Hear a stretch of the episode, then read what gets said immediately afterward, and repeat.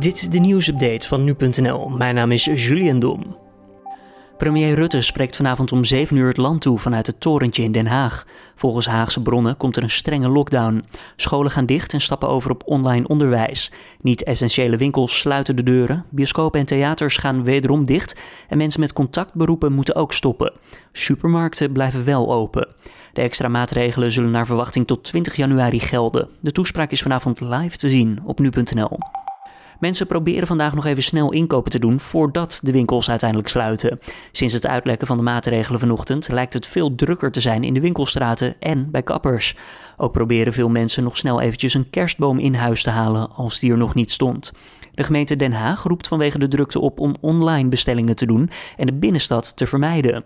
In plaatsen als Utrecht, Eindhoven, Amsterdam, Groningen en Rotterdam zijn soortgelijke oproepen gedaan. Bij het RIVM zijn sinds gisteren bijna 8500 positieve coronatesten geregistreerd. Dat is opnieuw meer dan het gemiddelde van afgelopen week, maar wel minder dan de aantallen die dit weekend werden gemeld. Zondag lag het aantal nog op bijna 10.000 positieve testen.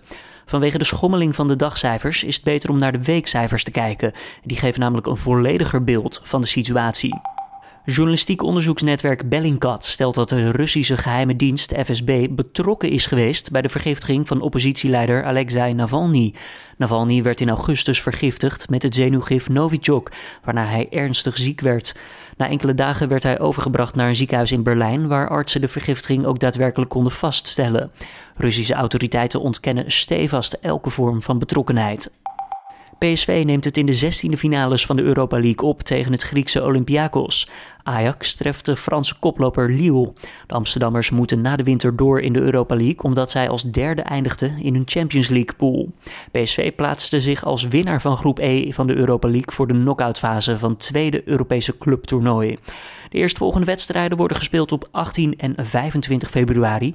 Beide Nederlandse clubs die spelen eerst een uitwedstrijd. Na een wereldwijde storing bij Google eerder vandaag werken inmiddels alle diensten weer. Ongeveer een uur lang waren diensten als YouTube, Google Drive en Gmail niet of moeilijk bereikbaar. Het is niet duidelijk wat nou precies de oorzaak van die storing was. Mogelijk ging het om een probleem bij de inlogservers die Google gebruikt. YouTube was namelijk wel te gebruiken voor gebruikers die niet waren ingelogd. In november stierven er meer Belgen dan in welke maand dan ook sinds de Tweede Wereldoorlog. Inmiddels staat ook vast dat 2020 het dodelijkste jaar sinds 1945 wordt. Dat schrijft de Belgische krant De Standaard. Dit jaar zullen waarschijnlijk ongeveer 15.000 Belgen meer overlijden dan vanwege ouderdom, ongevallen en ziekte te verwachten viel. De zogeheten oversterfte was in de afgelopen 65 jaar niet zo hoog. Ook niet als er rekening mee gehouden wordt dat de Belgische bevolking inmiddels veel groter is. En dit was dan weer de nieuwsupdate van nu.nl.